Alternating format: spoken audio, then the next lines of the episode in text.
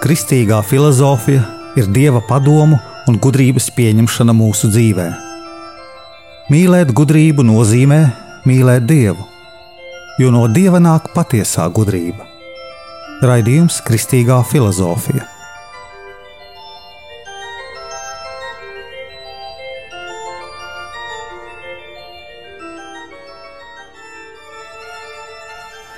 Es esmu Jānis Valtra Vitsenheims, un ar jums ir 50. raidījums Kristīgajā filozofijā.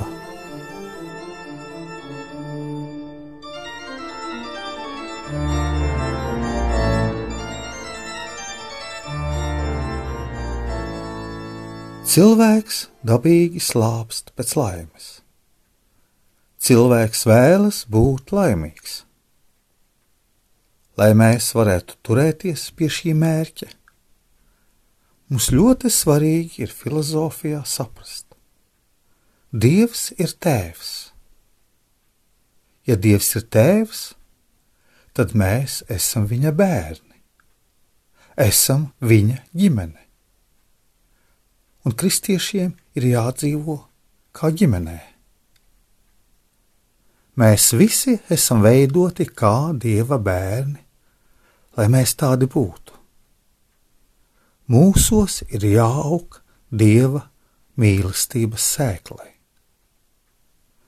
Citi pieņem ļaunā gara sēklu un ir ļaunā gara bērni, un nedara to, ko liek viņiem sirdsapziņa dzīvojot pēc sirdsapziņas un desmit baušļiem, mēs būsim Dieva bērni.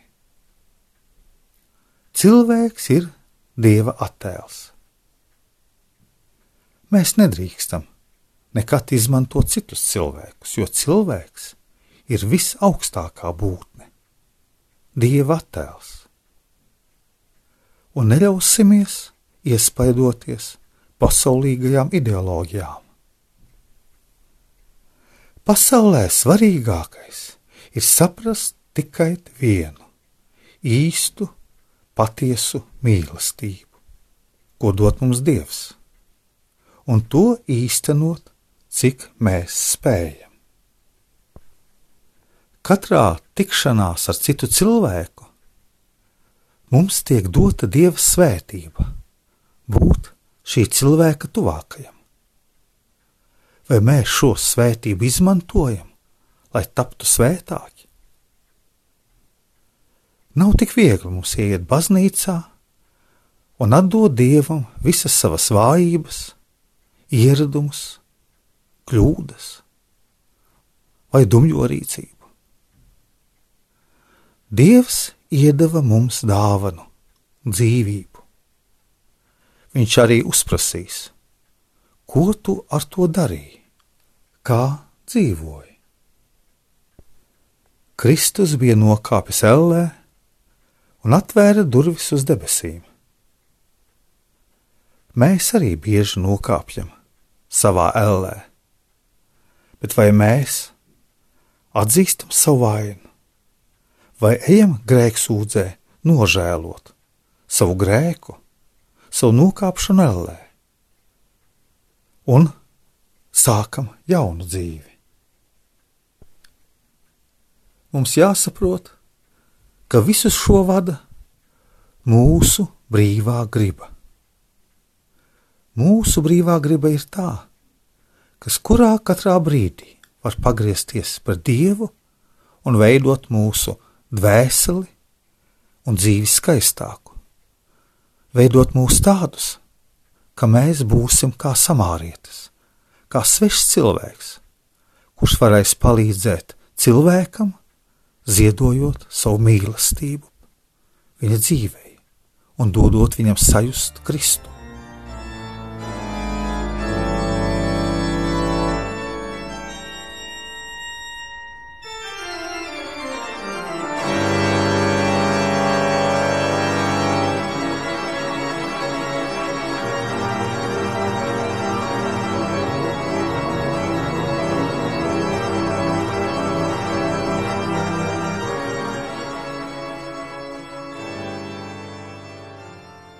Ieskatīsimies dziļāk svētā Akvīnas Toma sasniegtajos patiesības dziļumos. Tas labums, kas visā pilnībā spēj padarīt mūs laimīgus, ir vienīgi pats Dievs, vispārējais radītais. Mums ir dots kā līdzeklis uz šo pēdējo vienīgo patieso mērķi. Un tāpēc Dievs, kā bezgalīgais labums, ir pēdējais mūsu mērķis objektīvā nozīmē. Bet tā laime, kādu cilvēks pārdzīvos, kad viņš sasniegs Dievu, ir mūsu subjektīvais pēdējais mērķis. Šī svētlaimība, kādu cilvēks pārdzīvo, kad viņš visā pilnībā sasniedz Dievu, pastāv mūsu prātā un mūsu gribā. Jāņem vērā, ka šī griba ir brīvā griba, un mūsu prāts var virzīt mūsu gribu pareizajā virzībā. Šo pilnīgo svētlaimību cilvēks baudīs tikai tad, kad viņam būs pilnīga dieva dabas pazīšana un dieva mīlestība. Radības turpretim neviena nespēja cilvēku darīt īsti laimīgu. Šeit mēs izprotam, kā mantu, godu, slavu, varu, mūsu miesīgās īpašības, baudu, gara dāvanas un visas pārējās radītās lietas, un pierāda, ka nekas radītais nevar būt mūsu pēdējais mērķis.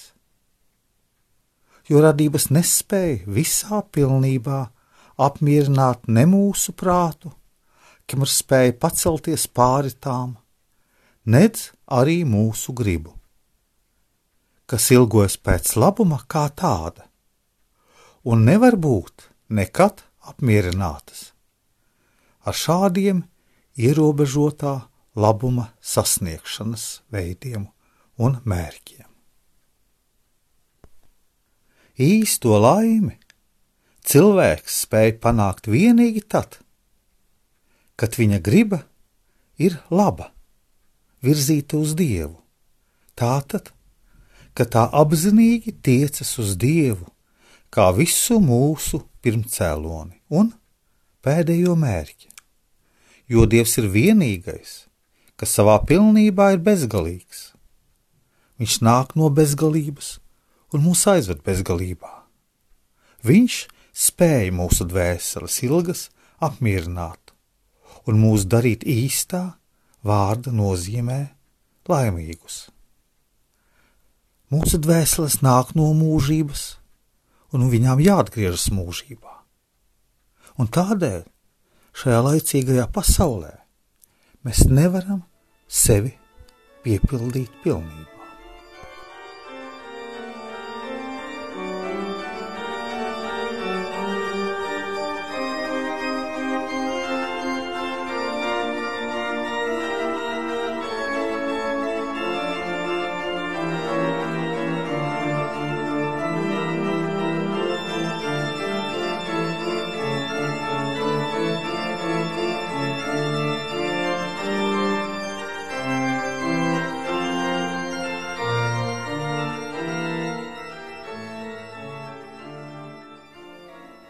Mums jāsaprot, ka mūsu dzīves laikā šiem laicīgajiem labumiem ir mērķis.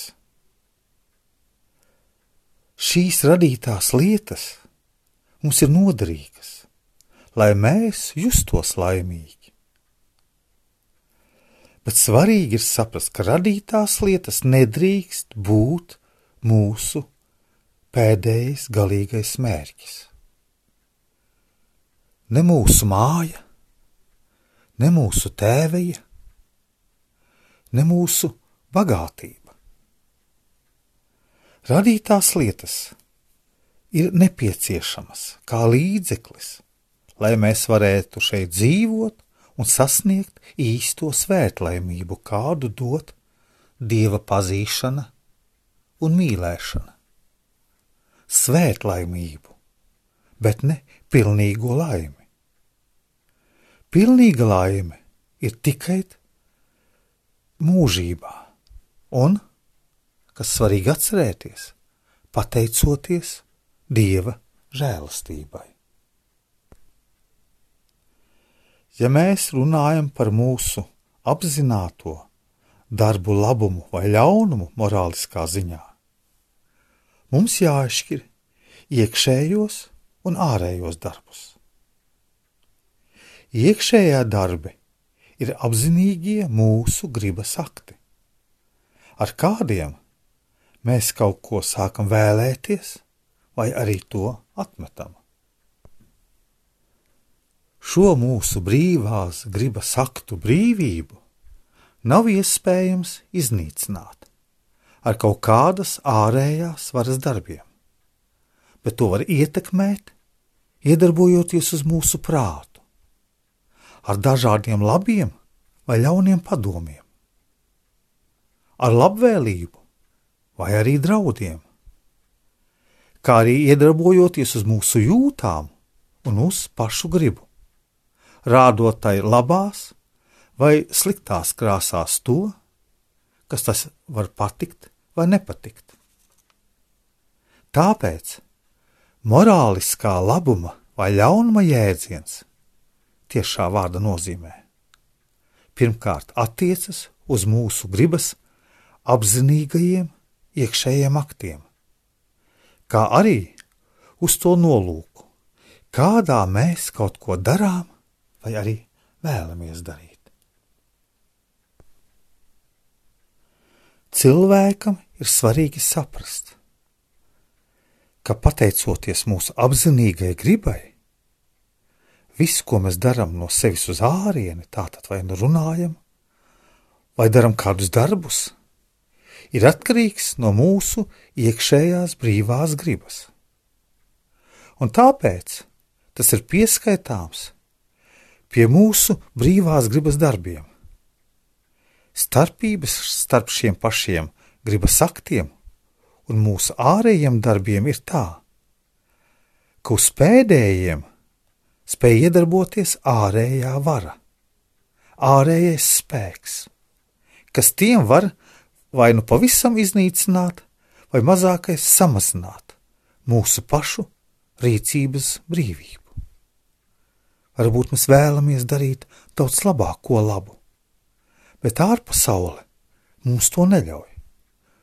Mūsu vides likumi vai mūsu valsts likumi ja ārējais pārspēks ir atņēmis mums, kā darītājam, brīvās rīcības iespējamību darīt visu, ko mēs vēlamies, tādā gadījumā mūsu darbs nav brīvs, bet uzspiests mazliet.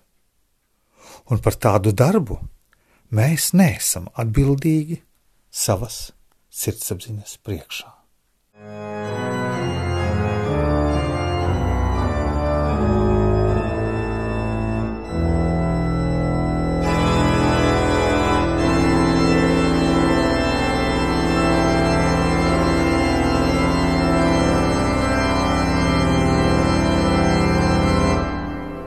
Es esmu Jānis Valtra Vitsenheims, Jeruzalemes Kristus kapa ordeņa bruņinieks. Un ar jums bija Kristīgās filozofijas 50. raidījums. Svētais Akvīnas Toms un mūsu brīvā griba.